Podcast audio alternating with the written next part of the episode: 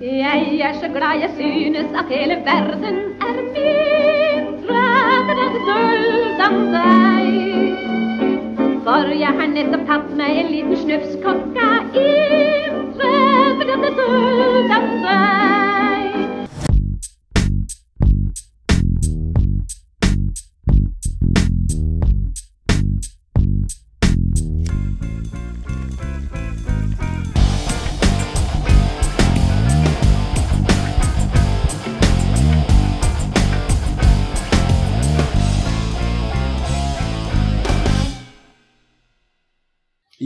Mine damer og herrer, da var vi tilbake i vår hule for nok en lekker episode av podcast om rus. Jeg er Per Ståle Honning, og jeg har lyst på en liner. En god one-liner. Jeg har ingen å by på. dessverre. Nei, Bøffert Fusk. Bøffert Fusk Ingen liner å by på. er uh, lineren min bare at jeg sier navnet mitt, Mm. Vi skal nemlig snakke om kokain, mine damer og herrer. Jeg har én one-liner. Dagens episode, og her kommer one-lineren deres. Uh, hvor mye veier en isbjørn? Aner ikke. Nok til å bryte isen.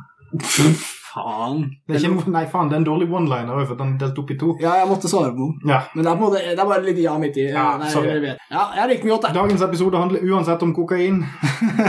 og hvis du tar kokain, så blir den vitsen kjempemorsom. Vi har ikke tatt det, så derfor lo vi ikke så mye. Nei. Vi er ansvarlige her i podkasten. Det vi derimot uh, har tatt, er at vi har uh, tilbrakt litt tid før uh, denne episoden på å bare hyggedrikke og litt sånn. Ja.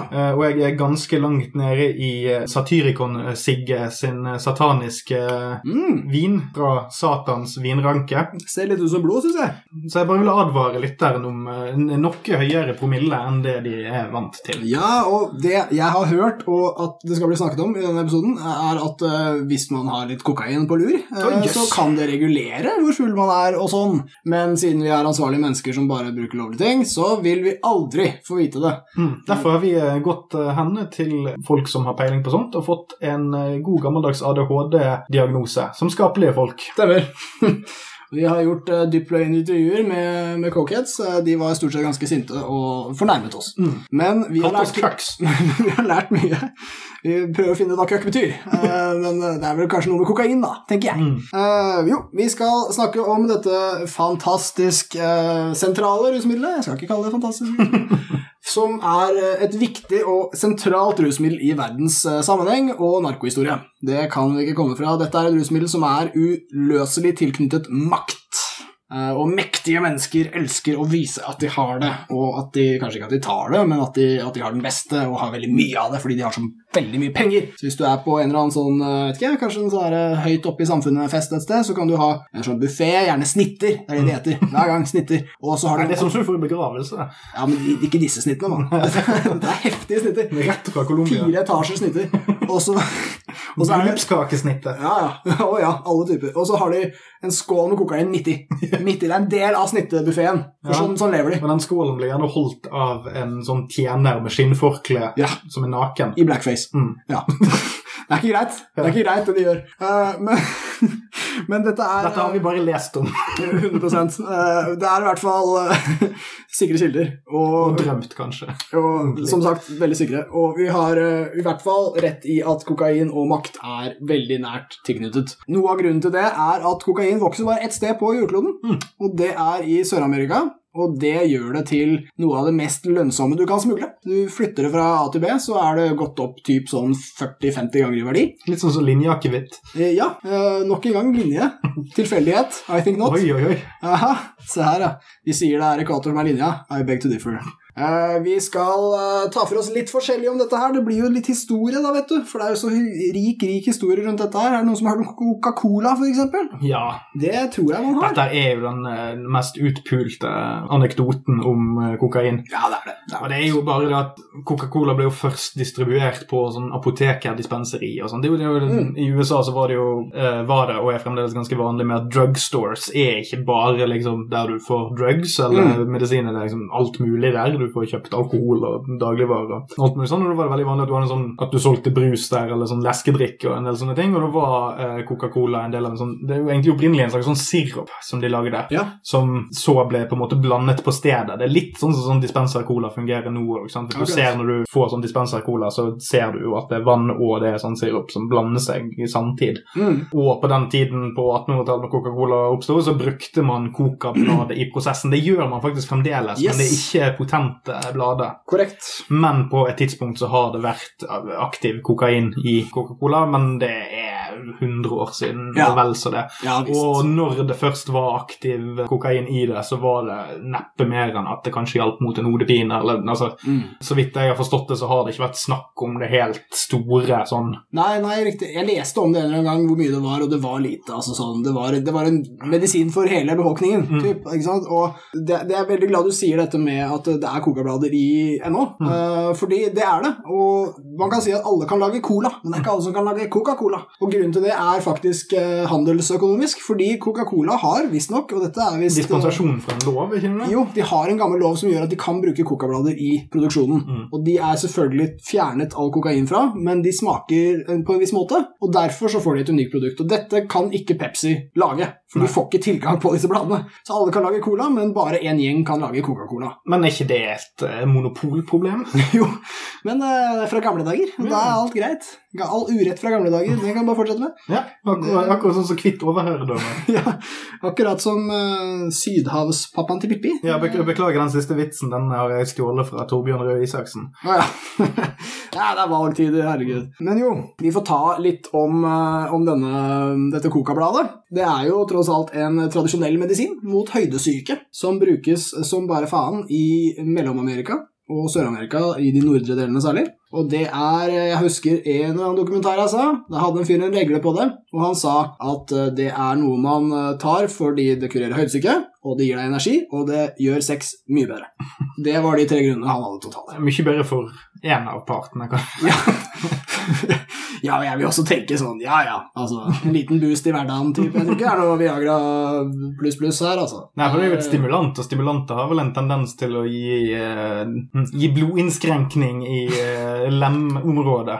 Ja, og så er det ikke, det er ikke automatisk sånn god sex, uh, altså, det, noen ganger er det sikkert kult å ligge med Duracell-kaninen, andre ganger så er det ikke det. Nei, Ikke sant? Og, ja. eller, eller hva man nå blir da, man blir en raring. Spørs om det er hot. Nok en gang har podkast om rus degenerert til sextips på svært la, lavt nivå. Det var en bolivianer som, eh, som fikk oss til å gjøre det. Han som snakket om kokain og sex. Det var han som droppa bomba. Men eh, det jeg vil si som kan være en utdatert påstand, men som i hvert fall var korrekt for en rundt fem år siden, det er at da var det eh, fakta at høydemedisin, høydesykemedisin, i verden, den hadde ikke vært så effektiv. Hmm. Og Det er jo fordi den er syntetisk, den må patenteres etc. Men kokablader er fortsatt det man bruker for å gå opp i høyden i disse distriktene. Det kan jo også være fordi medisin er dyr eller noe. Jeg kjenner folk som har backpacket der, og det er fremdeles vanlig å få, få noen blader hvis du trenger det. Ja, Og det fremstår ofte som, som uklokt å ta, la være. Altså, I hvert fall på sånn prinsipiell standpunkt. Jeg takker narkotika, og så er du plutselig den eneste i reisefølget som har masse helseplager fordi du ikke tok det. Men det er også bare når man går i fjellet, kjære unge lyttere. Eh, Men disse bladene er jo òg forsvinnende lav konsentrasjon i. Ja. Det er vel ikke snakk om uh, mer enn Nei. mikro. Og jeg har også fra knallgod kilde at de smaker dritt. Mm. Der har du også en eh, flott indikator på hvorfor du ikke skal tygge så gjerne mer. Oh, jeg tror Bent Høie nettopp fikk et rykk i høyre bein. Ja, kokain smaker dritt. Ja, kjempebra. Det må vi spre, det må vi spre. sånn snakker Bent Høie. Eh, men ja, du var inne på at kjemien eh, det, det, Slutten av 1800-tallet, noe sånt, så klarte man å, å lage kokain. Altså, min svært begrensede research så har det vært eh, tilberedt i pulverform i mange hundre år. Mm. Men denne konsentrasjonen i pulverform er mest sannsynlig fra 1850-tallet. Jeg, tror- jeg tror egentlig 1850-ish er den avgrensningen du kan finne på, både, altså på en del altså morfin og heroin og amfetamin. Altså alle disse tingene kommer etter det. Ja. Fordi at det er da du får i hvert fall, altså det er da kjemifaget blir bra nok Mm. til at eh, man får fremstilt det klinisk nok Ja. og høykonsentrert nok, uten at vi skal gå helt inn i, i eh, juniors lille kjemisett i dybden på dette. her da. Ja. Men eh, Nei, men det, det stemmer. Det er en slags gullalder i kjemi. Og det, jeg vet ikke så mye om kjemi, men jeg vet eh, litt om rusmidler. Og veldig mange av dem dukker opp i, på slutten av 1800-tallet. Eh, og da spesielt morfinpreparater og amfetamin og litt sånne ting som trengte kjemiske fremskritt for å kunne finnes. Eh, så, så, er, så sånn sett var kokain ganske tidlig ute. Men det har jo sikkert også å gjøre med at det har ganske, hatt ganske stor utbredelse i mange geografiske områder. Så folk har på en måte vært litt nysgjerrig på hva den greia er. Men før pulveret ble et handelsprodukt Det her hadde jeg egentlig litt lyst til å skylde på krigen mot narkotika, for det er jo en sånn deilig syndebukk for alt. Men det viser seg at det kanskje ikke er en så nær sammenheng likevel. Men før pulveret ble et handelsprodukt, så var det leskedrikk som var den primære inntaksformen for å få i seg dette her. Sånn som du var inne på med, med apoteket og dispenseren og, og det der. Uh, men i Norge, uh, bare for å dra inn det, vi må jo nevne Lalla Carlsen og hennes uh, fantastiske vise. Om vi skal kalle den hyllest Hyllest til kokain? Neppe. Hyllest til livet? Å ja, det tror jeg det var. Eh, Den har jo nylig også blitt sampla av eh, Kave og Onkel P i låta Snufs. Nylig, er ikke det sånn tre år siden? Det, det, er, det er ikke det nylig, da! Faen, hvor tida går. Gamlefar eh, blir frustrert her. Ja, jeg, jeg vet ikke hvor lang tid som har gått. Eh, Noen gang ennå. Nå nå er det en viss sjanse for at kokainsangen til Lalla Karlsen i sin tid hadde en viss satirisk brodd. Ja. Fordi den er vel spilt inn eh, Den var skrevet til Chat Noir sin et eller annet revy i 1931. Mm. Eh, og da er det jo grunn til å tro at det var en eller annen slags lite stikk til noen. Det, det er et godt poeng. Og, Mm, satire. godt mulig kan det være sånn stikk til eh, folk som tror at de er så forbanna fjonge og fine, men så har de bare vært på apoteket og skaffet seg noe eh, snasent som hjelper Jævlig de. bra. Ja, nydelig. Men det, det, når du sa det der, så kom jeg på en, en setning fra den sangen Mm. som jeg husker godt, og det er at Lalla i sin da beruselse over livet og en snufs kokain, hun, hun sier at hun ser velhaven komme imot henne med, med blomster i favn. Mm. Og det er, det er liksom det er sånn hot bilde, ikke sant, Welhaven. Men Welhaven var jævlig høyremann. Han Mm. var mørkeblå. Han skrev eh, diktets ånd som handlet om hvordan du skal respektere regler i diktingen. Ting. Og veldig bra poeng, by the way. Men, men greia er at hvis du skal disse høyresiden litt, grann, da, så, så passer det ganske bra. At uh, man fjaser rundt, og Hotte Welhaven kommer dansende med noen blomster. og Det er i hvert fall ikke arbeiderklassen som beskrives av Lalla Karlsen. og uh, Det er, nok, det er noen tiår siden noen droppet en reference til Welhaven i norsk popmusikk. jeg syns det er morsomt å høre en referanse til at Welhaven er hot i noen drug-greier. Jo, jo, men Lalla Karlsen var jo mest sannsynlig født på det tidspunktet når, eh, når Welhaven var det nærmeste man kom en slags uh, Nicolai Kleve Broch. ja, altså. En, en Aksel Hennie for sin tid. Akkurat Aksel Hennie har, har ikke alltid, like og kommer alltid til å se ut som en nytrekt uer. Grei, Broch er hakket hvassere. Skal ha den. Men jeg har lyst til å si om eh, Carlsens uh, tidløse klassiker fra 1931 at uh, det, det sies at man har jo ikke så veldig gode kilder på når kokain kom til Norge. Altså Selv i apotekerbransjen og sånn, der det trolig kom først, så, så var det ingen som skrev ned 'I dag kom kokain til Norge'. Det kom et skip til Oslo i 1921.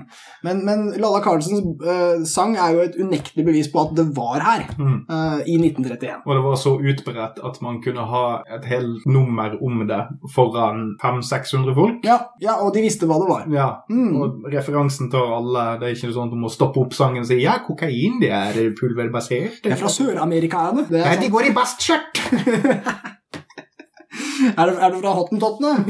Hugenottene og lombardene? Nei, men det var eh, Det har tydeligvis vært her ganske lenge. Vi kan ikke benekte det. Selv om det ifølge norsk politi er økende Mm. i vårt uh, lille land på Bjerget, så er det stadig flere som, uh, som bruker dette her. Men nå ble det forbudt? Husker vi det? Jeg vil anta at det blir forbudt med de første krigene mot narkotika, Mm. som Norge ble med via FN-traktater. Fordi da- hasj var jo fremdeles tilgjengelig vi, Eller marihuanaproduktet var vel fremdeles tilgjengelig på apoteket Mm. på 50-tallet. Eller Ja. tidlig 60-tall. De første offentlige hasjgjengene i Slottsparken og sånn ble vel registrert etter forbudet. Ja, det kan faktisk ha vært overlapp også, Mm. fordi ingen Men folk legger ikke merke til det før Ingen skjønte egentlig at den apoteksgreia var det samme som de smugla inn. Men eh, ja, det tyder på det. Nei, det er trolig ute på 60-tallet. Jeg tipper at kokain var utbredt på apotekene ja, 30-tallet og Mm. Lalla Carlsen-tida, men eh, det ble neppe forbudt før krigen. For da var det ikke så mye sånn geopolitisk aktivitet, og Norge var ikke så opptatt av det. Så Så amfetamin var jo på samme tidspunkt et vanlig apoteksprodukt. Nei, Vi kan nok anta at det var ute på 60-tallet ble forbudt, fordi forbudene de kom jo først i en slags um, for, for å ta et oppgjør med kulturene som Mm. brukte dette her. Og på 30-tallet så var det nok ikke noe særlig utbredt, Uh, kanskje i de penere strøk med kokain, og kanskje det var noen luringer som kjøpte noe hasj på apoteket og koste seg med det, men, men det er først i Slottsparken at det blir forbudt. da. Det var lov å ta seg en liten knert med noen leskedrikk full av kokain eh, ganske lenge, tror jeg. Men så kom krigen og alt det der, da. Og Ja. da var det kanskje ikke så jævla god tilgang. Ja, men de skjønner ikke, mann! Rasjonering, hva sier de? Jeg trenger jo bare en liten snufs kokain! Å, man bare kunne spilt av Lalle Karlsen med, med sin radio som var forbudt. Men eh, skal vi se Ja, eh, vi må jo også snakke litt om eh, crack, Ja. tenker jeg vi må. Fordi crack det har jo et sprettent navn, syns du ikke? Crack is whack. Crack is whack. Det hørte jeg Var det Reagan? Ja, det var Nei, det var inspirert av Reagan. Reagan-rap. Mest sannsynlig så er jo det noe sånn Mr. T-greie. Ja, på 80-tallet hadde du flere av de. Wee Herman var mot crack og En av våre aller første episoder handler jo faktisk om uh, drug PSAs, Ja. eller Åh. sånne antidopsreklame fra spesielt USA. Og da, noen av de råeste der er jo uh, Fordi det var en sånn serie med sånn anti-crack-greie med Pee Wee Herman og sånn. Men den Ah. kuleste er jo den med Clint Eastwood, Ja, stemmer. som vi da snakket om den gangen. Clint Eastwood som sier 'This is crack'. Og så sånn, Nei, jeg har jo ikke lyst til at Clint skal bli sint. Tenk om det var han som solgte det til deg. Ja. hadde du kjøpt. You're gonna buy this. ok. Nei, men Han hadde eh, mest sannsynlig skutt deg i trynet rett etter at han hadde, han hadde jo, Det var entrapment. ja, Først lurer han deg til å kjøpe det, så skyter han deg. så tar- får han både pengene og Mm. Men vi hadde en crack-bølge i USA på 80-tallet, og crack Altså, jeg, har, jeg husker jeg møtte på folk før, så jeg snakka om, om crack, og så virker det som folk er litt forvirra, da, de jeg har møtt, om, om crack er kokain, Mm. eller om det er et eget stoff, om det er amfetamin, om det er noe sånn LSD, PCP-greier. Men la oss ha det sagt en gang for alle, altså crack-bølgen i USA, den kom fra at det fantes eh, en veldig sterk kokainbølge i forkant, Mm. på, på slutten av 70-tallet og tidlig 80-tall, i Miami og sånt noe, der hadde du hele gjenger som importerte det, dokumentaren Cocaine Cowboys er ganske fet. Inspirerte veldig mange kule rockelåter. Det var, det var tider. Altså bare Cocaine Cowboys. Bare søk på Mm. låter med det navnet, så finner du mange. Ikke sant? Og det, Dette er også en tid hvor du har eh, etablerte gettoer i store deler av USA, og særlig rundt, rundt storbyene i utkantene. Og de får jo med seg kulturen. De har lyst til å ta kokain, de også, men det de får eh, Når de først får tilgang, så er det på crack. Og crack er en måte å gjøre kokain mer potent, og samtidig få mer ut av samme vekt. Mm. Så uten at jeg kan matten ordentlig, hvor mye det blir til av det og sånn, men sånn cirka, bare for å gi et bilde på det, så kan du ta et gram kokain, og så kan du omforme det til crack, og det er å blande det med noe varme og noe bakpulver og noe greier, og så får du da tilsvarende effekt av typ 10 gram kokain fra det ene grammet. Og da, da kommer vi veldig fort inn på både rasepolitikk mm. og rasisme, og ikke minst estetikk og kapitalismens banalitet, spør du meg. Indeed. Fordi noe av det første jeg tenker på når vi begynner å snakke om ok, kokain og crack, basically samme greie. Ja. Basically. Man sier crack cocaine. Eh, Det er bare det at den ene tingen er mye billigere og mer potent. Ja.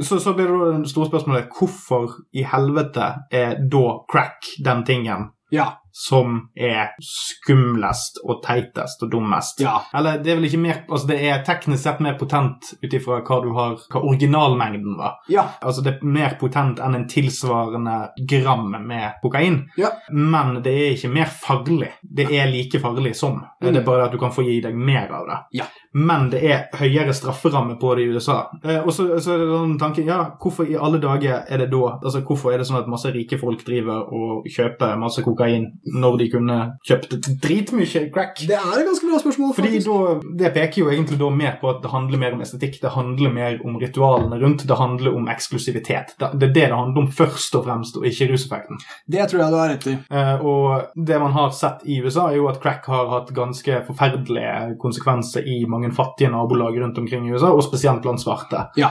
Eh, og det er mest sannsynlig tett knyttet opp til i ettertid da, at det har blitt strengere strafferamme for å bli tatt med et gram crack enn det er for å bli tatt med et gram kokain. Det har det, og da begynner det å bli rasepolitikk. Da blir det rasepolitikk, for det er mye større sannsynlighet for at en fyr som har på seg et gram eh, ganske bra kokain, er en hvit fyr som har råd til å betale advokater, mens en fyr som har på seg et gram med crack, eh, mest sannsynlig går på sosialen eller et eller annet sånt. Så det, er, så det er en indirekte raselov man har fått inn. Men den er ikke rasistisk, sant? Nei. Loven er jo ikke rasistisk, den, den bare oppstår av rasistiske grunner. Ikke sant? Det er påfallende mange av disse ruslovene som følger den formelen der. Ja, og det, det er jo veldig lett med å være litt sånn hasj-tåk-konspiratorisk og si ja, men de vil De er ute etter Ja, de er ute etter deg, men, men de er ikke ute etter deg på den måten du tror. De, Ja, ja. de er som regel bare ute etter deg fordi at de ikke gidder. Ja, ja. Altså, Veldig mange av disse lovene er bare De har bare falt på plass fordi at de måtte ha en lov, og det har vært eh, innført i hysteri. Altså, Mm. Altfor mange er avhengig av dette. her. La oss uh, crack down. og det, var, det er stort sett minoritetene det har vært ute etter. Ja. I denne junken er av minoritetsgruppe, så Ja, tar han litt feil. Ja, for alle, alle de negative effektene med kokain er jo tett tilknyttet til uh, håndteringsproblem. Og det Mm. blir høyere med en gang uh, det er billig og lett tilgjengelig i områder som har masse sosiale problemer. For har du Mm. masse sosiale problemer, så er det større sannsynlighet for at det er mental sykdom, for at det er mange ulike faktorer som fører til at folk begynner å ruse seg. Altså at man ikke ruser seg bare rekreasjonelt, men òg selvmedisinerende Mm. kan begynne sosialt, men være bare no, faen, jeg får ikke skyte meg i kveld, jeg er nødt til å røyke litt crack. Ja. Og her er vi på, bagettoen. Jeg syns du hadde bra poeng i stad. men Altså, hvorfor, hvorfor begynner ikke bare, Med en gang crack kommer, hvorfor begynner ikke alle bare å kjøpe det? I og med at det er mer bang for your buck. Liksom. Men det er, det er Som er en veldig norsk ting å tenke. Ja, det, det er det jo, og derfor tenker lytterne. Derfor må vi ta denne vinkelen. Men greit, eh, som jeg var inne på, så har kokain vært tilknyttet makt veldig lenge, og det har å gjøre med geografisk eh, sentralisering, men Og narkokartellene som må Kartell. bygge seg opp makt og ser kule ut. Pablo Escobar. ja, de har alltid vært litt eh, fascinerende gjeng. Men uh, jeg tror crack alltid har hatt det motsatte stempelet. Alltid vært assosiert med underklassen. Mm. Helt fra første gang folk hørte om det, så var det via nyhetssendingene fra gettoen. Mm. Så, så det attraktive har ikke skjedd. Og det er jo egentlig litt stilig, fordi eh, du kan jo se på crack som en videreføring av kokain. En slags eh, bedre rusvariant av kokain.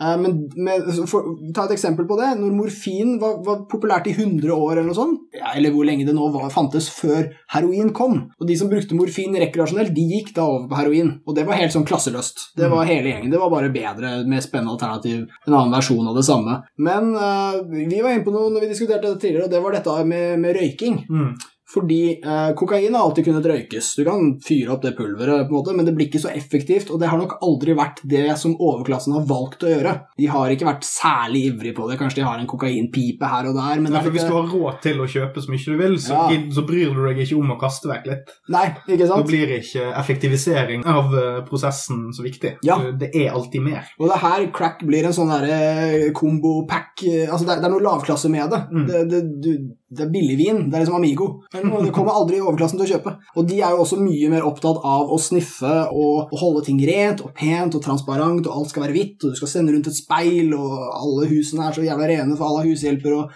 Altså, dette er en helt annen verden. Mm. Det å fyre opp noe som er litt skittent, som de fattige folka driver med, det ville vært full krasj. Så det er nok derfor vi ikke ser eh, crack så jævlig utenfor de lavere klasser.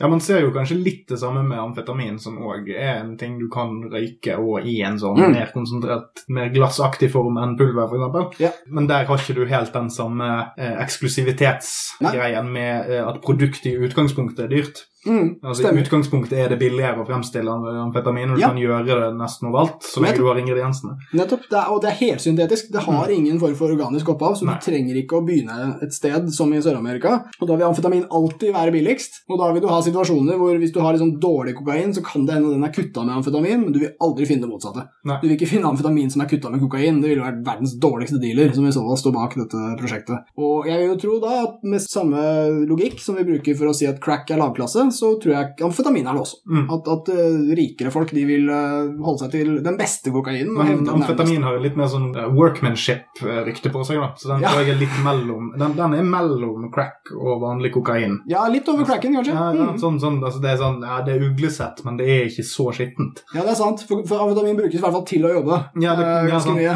Altså, du- kanskje ikke crack gjør det. Mm. Roadies og Ja, byggebransjen. bryggebransjen. Ja, stakkars eh, underklassefolk som tross alt er jævlig flittige, ikke sant? som fortjener en liten stjerne i boka i forhold til disse slampene i gettoen. Ja, de jobber i hvert fall. Nå er jeg overklassen, forresten. Nå, nå bestemmer jeg hvem som har verdi. Jeg kan nesten se han nakne duden med forkleet bak deg.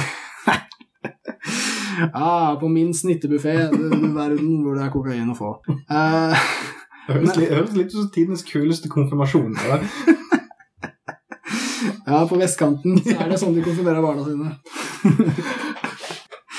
Men eh, det er jo det er fare for en viss sånn tråkke på på si, urbefolkning og sånt også, da. Mm. Med, altså, kanskje ikke med kokainforbud, for kokain er jo bare et konsentrert produkt som mafiaen uh, sprer. Men, men hvis, i FN så har det blitt tatt til orde for å forby kokablader òg. Ja.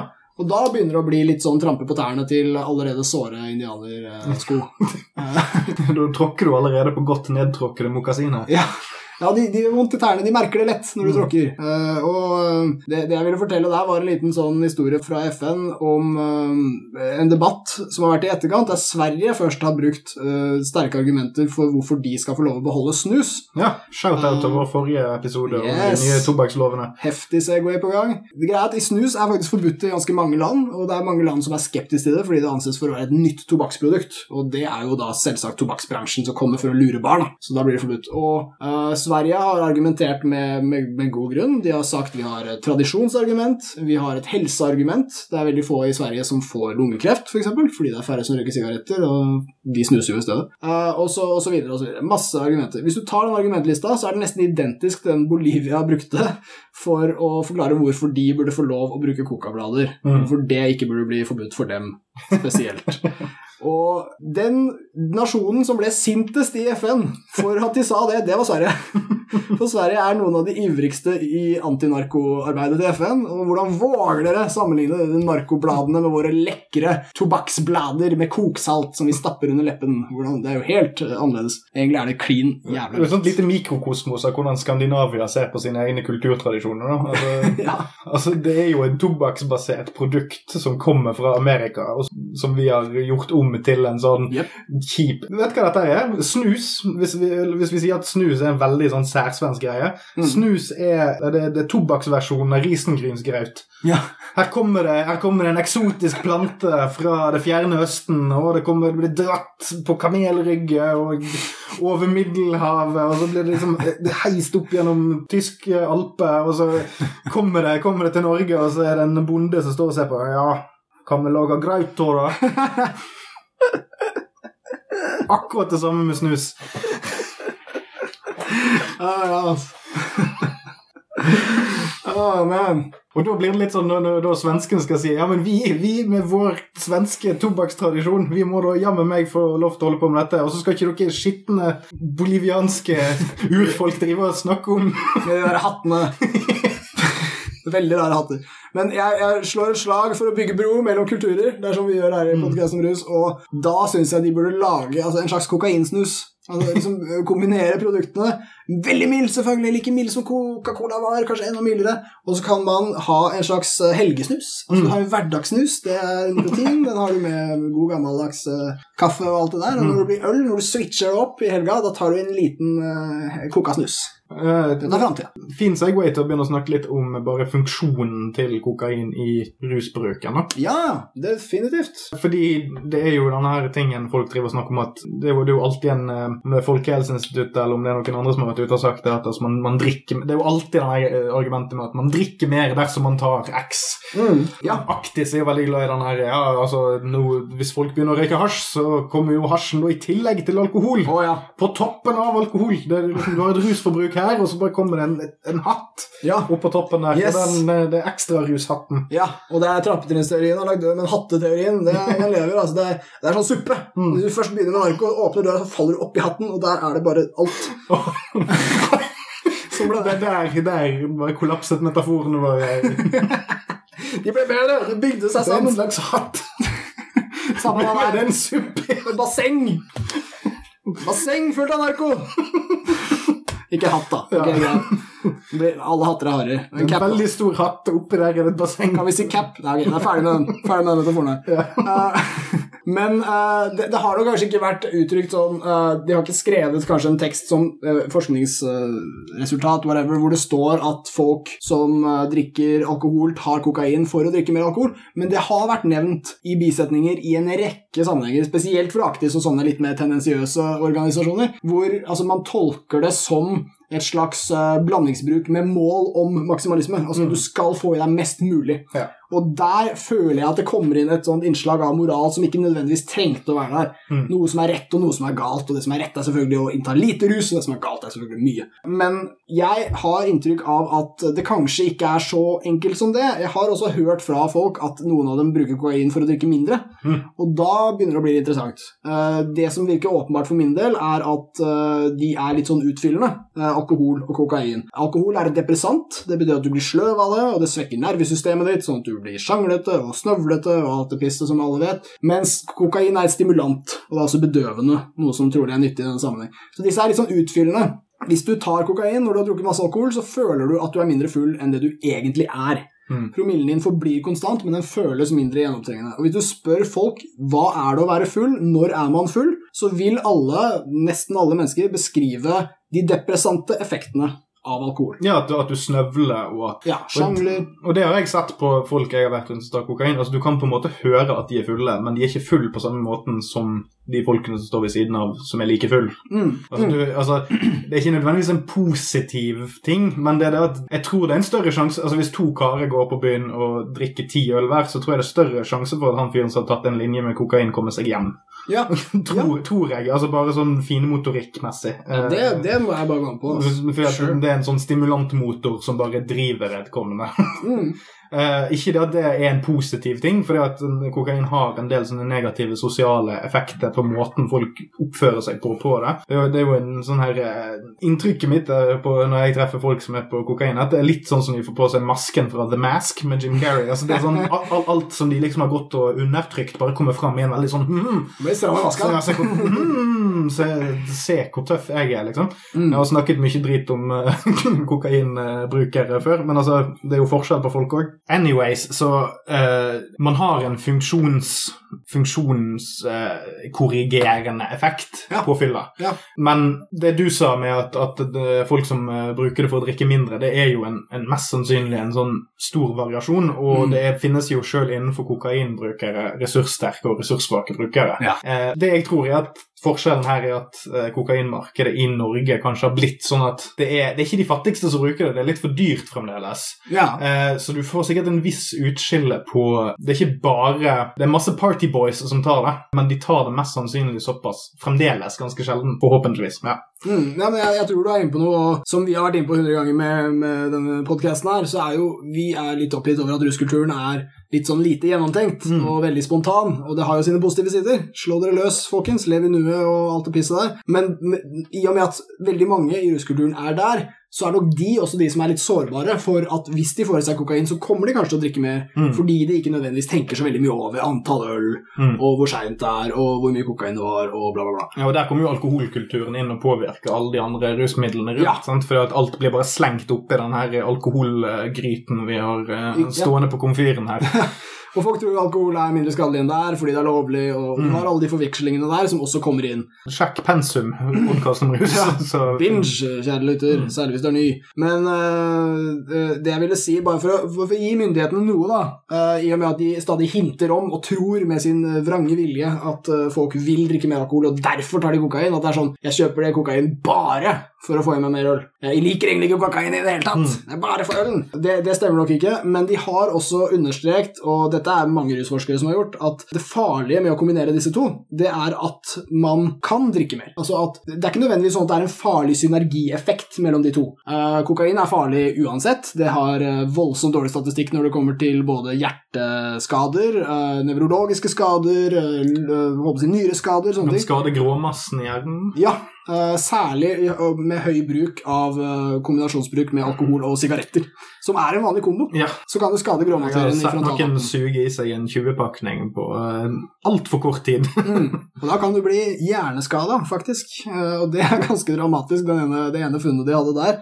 Men uh, Det er vel det at en gang i måneden kanskje er litt i meste laget. Ikke Ja. det man egentlig Jo, og de brukerne i den, den studien det, som vi siterer nå, de var nok også langt hyppigere brukere. Mm. Det var de som hadde blitt hjerneskada. Men det, jeg er glad de, de forskerne som snakker om det her, de vil jo aldri si at uh, det er helt greit å ta kokain sammen med alkohol, fordi det har ikke noe sånn kombo-hjerteinfarkt-fare, liksom. Men det de sier i stedet, er at det farlige med det er at du føler deg mer edru enn du er, Mm. og da overdriver du alkoholinntaket, og når du er full, så er du egentlig ganske langt ute. Mm. Da har du egentlig maksa det kroppen skal ha. Det er kroppen som prøver å fortelle deg Mm. ikke mer alkohol, nå er du grei. Og hvis du da slenger på en fjerdedel til av det du har drukket den kvelden, så kan det være veldig destruktivt. Ja, og så hvis vi da hiver øl vekk fra ligningen her, Ja. eller hiver inn sprit, så begynner du i hvert fall å begynne Mm. å nærme deg eh, sirkus med Rano, for å si det mildt. ja, ja, og ja, jeg har en uh, harry anekdote, men jeg kjenner en kompis som ikke er så voldsomt gira på å drikke, og så er han jo fortsatt litt nysgjerrig, og så skulle prøve å finne ut hva kokain var, og så fikk han tak i det. Da han prøvde det edru, jeg tror kanskje det eneste jeg kjenner som har prøvd det edru, og han fortalte at han hadde bare, ja, han følte seg kontrollert og våken og litt sånn, det var ikke så mye eufori, da, det var ikke så mye moro å få, så han hadde satt seg ned og gjort liksom regnskapet, bedriftsregnskapet for, eh, for eh, jobben sin. Det var hans kveld. Topp Ja. kveld, da. Topp regnskap. Igjen, igjen da ressurssterk. Eh, Åpenbart en veldig ressurssterk type. Det, det må jeg si. Andre ville kanskje ha spilt TV-spill, Mm. eh, eller noe sånt. Eh, Men det var da hans versjon av det. Og jeg hadde også litt lyst til å si, altså, siden vi er en uhyre realitetsorientert podkast og har eh, uendelige kontakter i de kriminelle nettverkene i hele verden, så er det klart at vi kjenner folk som tar kokain. Og det jeg hadde lyst til å si, som en liten kommentar, mulig det blir en slags sånn moraldrit på slutten fra onkel Buffert, men det er ikke uvanlig, si. Altså, det jeg vil si er at kokain har sin bruk, og folk er forskjellige, og mange klarer å bære det, og mange vet hva de driver med, men kokain er notorisk urent, og det er ikke så veldig mange som tester det. Eh, de vil heller gå rundt og hevde at de har den beste hele tida, så folk vet egentlig ikke hva de tar. Som òg er veldig tett tilknyttet til den personligheten som popper fram når du tar kokain. Ja, og det, er Den beste kokain ever! Det er det. og, det, og det er en sånn loop i kokainbruk som du kan bli fanga i, og det er at du må ha selvinnsikt for å kunne bruke kokain riktig. Og hvis du bruker kokain, så mister du selvinnsikten din. Så der er det en felle som du fort kan bli litt stuck i. Ja, det, krever veldig mye ransakelse av deg selv hele tiden. ja, det blir en sånn eh, karusell der du lurer på hva som kommer rundt neste sving. Ja. og hvis du bruker dette ofte, så så vil du miste deg sjæl i det. Det, det. det kan absolutt skje. Men det jeg ville si, det er at jeg har vært på til stede på steder der kokain har blitt uh, brukt, og det har blitt brukt av mange mennesker som var på stedet, og det har, det har noen ganger en positiv effekt. Som sagt, folk blir ikke så fulle, praten går, og alt det du vil ha sosial, et selskap. Men jeg har merket meg dette at det blir en litt sånn kynisk sosial stemning. Det er akkurat som om folk er litt sånn ekstra stramme i maska, at, at de, de lytter ikke når du snakker, de venter bare på at det skal bli deres tur å snakke. Og, og, og dette er egentlig ikke en diss til kokain som for seg, fordi dette er en stereotyp. Mm. Uh, du, det, det er som å si at hvis du tar MDMA, så blir alle så jævla klemmete. Mm. Og hvis du tar heroin, så sovner alle, og hvis du tar speed, så danser alle. Og det er ikke alltid helt 100 karikert sånn som det, men den litt sånn kyniske stemningen, den blanda med alkohol, den syns ikke jeg er så jævla koselig. Jeg husker jeg flere enn en kveld har gått hjem og tenkt litt sånn Nå, nå var vi litt strenge med hverandre i dag, ass. Det var, det var litt sånn, det var noe litt fake med den Og det, det kan absolutt komme fra andre rusmidler også, men jeg tror noe av faren ved overforbruk av kokain kommer at man kanskje ikke merker dette her. Mm. Eh, kynisme går hånd i hånd med, med kokainbruk. Og verden er et kynisk sted, så jeg vil ikke kalle det en illusjon, men jeg vil si det kan bli litt mye noen ganger. Kynisme liksom, det er òg det at det er blandet med en slags merkelig sånn egosentrisme. Ja. Så den, den er egentlig veldig sånn følelsesmessig basert i at vedkommende føler seg veldig rettferdiggjort i alt de gjør. Mm. Og så blir man veldig opptatt av seg sjøl og hvor kul vedkommende tror at de er. Mm. Mm. Og så går det ut i en litt sånn her Det, det er mer narsissistisk nesten enn en kynisk. Ja. si, for det, det virker som om folk er klar over at de er i et rom med andre folk, men de evner ikke helt å se at handlingene deres påvirker andre. Det virker som om de bare har satt seg på en sånn benk og ser en film Mm. som de interagerer så Litt sånn VR-spill eller et eller annet sånt. Ja. Eh, det, uten at noen nødvendigvis tenker over det, men det virker som om at, at det er, folk bare begynner å spille teater med hverandre. Mm. uh, uten å være spesielt gode skuespillere.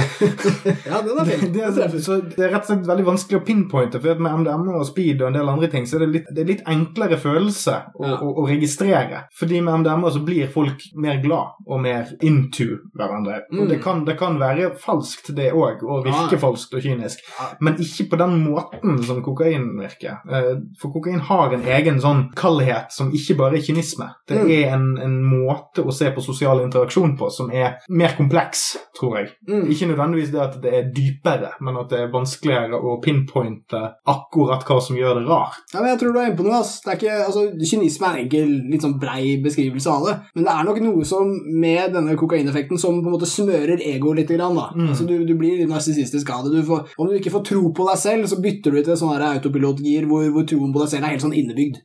Og jeg tror at på en fest hvor eh, du har ti stykker, la oss si alle tar kokain, så vil du merke at da er det plutselig sånn ti ledere i rommet. Mm. Nå er det ti, ti stykker som eh, har rett eh, Mm. samtidig. Det kan bli underlig. Men, Hvem bestilte alle disse alfahannene? hvor kom de fra? Det kan hende at i en eller annen situasjon hvor, hvor du har en litt sånn veik leder, og så fikk han på kokain før han talte til fotballaget i garderoben Det kan hende han blir mye bedre tale. Altså, det, det kan ha sin bruk. Det er bare det at Det spørs om, spørs om det er Tippeligaen eller Lilleputt. eh. Jeg så på sånn amerikansk fotball. Superbowl Jeg vet ikke Nei, Mye bra filmer der. Uh, mye bra kokain i USA. De bruker veldig mye av det. Men, uh, men, men når det kommer til sånn der, i situasjoner der ego skal være sterkt, og der lederen skal fremstå ren, så tror jeg det kan være håper jeg positivt også. Eh, kan ha sin bruk der. Problemet er at uh, jeg tror er, vi, vi sjelden er i slike situasjoner. Der vi skal fremstå som fjellharde, beintøffe klippemennesker. Altså, det, det er kanskje ikke helt party heller. Og så er det jo det at folk bare må huske at de ikke er så kule som de tror at de er. Nei, ja, nei. For folk tror at de er litt kulere enn det de er. Ja. Og så tror de at folk ikke Altså, dersom alle er fulle, så er det litt vanskeligere å legge merke til, selvfølgelig. Mm. Altså, Man legger ikke så veldig merke til om noen er på kokain hvis du er full, eller Nei. er dritings sjøl, Mm. men du er aldri så kul som du tror at du er. Nei, det er jævlig bra poeng, mann. Det er faen meg det, altså. Det er det eneste rusmiddelet der du sånn, i de store rusgruppene der de som tar det, tror at de, de er kule. Ja. De kan, I alle andre tilfeller kan du tro at du er smart, eller at du har tenkt en eller annen ting som du aldri har tenkt før, eller det- har veldig stor innsikt eller forståelse for andres følelser, men dette her er bare sånn Jeg har rett, og jeg er tøff. Uh, og nå skal jeg i hvert fall spille verdens beste låt! og jeg hopper i Spotify-køen. Og ikke minst den moven der. Skippe midt i. Midt i, fuck you! Å, men, Det er et veldig bra eksempel. Det blir litt mye. Har du hørt riffet i Money for Nothing? Hæ? Uh, et par ganger. Men uh, som statistikken viser, og da mener jeg den gode statistikken, som er kloakkmålinger, så påstås det at én av 100 nordmenn bruker kokain daglig. Oi. Og jeg vil Jeg vet ikke om det er 1 av den norske befolkningen som da Dette burde jeg klare i hodet. Nei. Nei, 50 000? 50 000. 50 000 blir det. Uh, det jeg er sikker på, er at det er noen som trekker opp det snittet betraktelig mye. Det har blitt påpekt av politiet for mange år siden, uh, nå sånn fem-ti år siden, at de på bygda hadde de begynt å se kokain på en måte dukke opp. At det Mm. begynte å bli normalt i litt sånn lavere klasser og sånn. Uh, og det, det tror jeg nok eh, vi har mer av, men samtidig så er det Det er ikke der omsetningen ligger. Nei, og jeg skal tilbake til makt, ass. Mm. Fordi det er maktfolk som er så jævlig gira på kokain, og du har Og der snakker jeg om juss og børs og politikk. Sorry, ass. Ja, men og, og tenk kriminelle òg. altså, og kriminelle. Stor grad. Alle som tilbyr dette her i Oslo, eksempel, så er det jo kokain du skal ta Mm. dersom du er sjefene i disse nettverkene. Ja.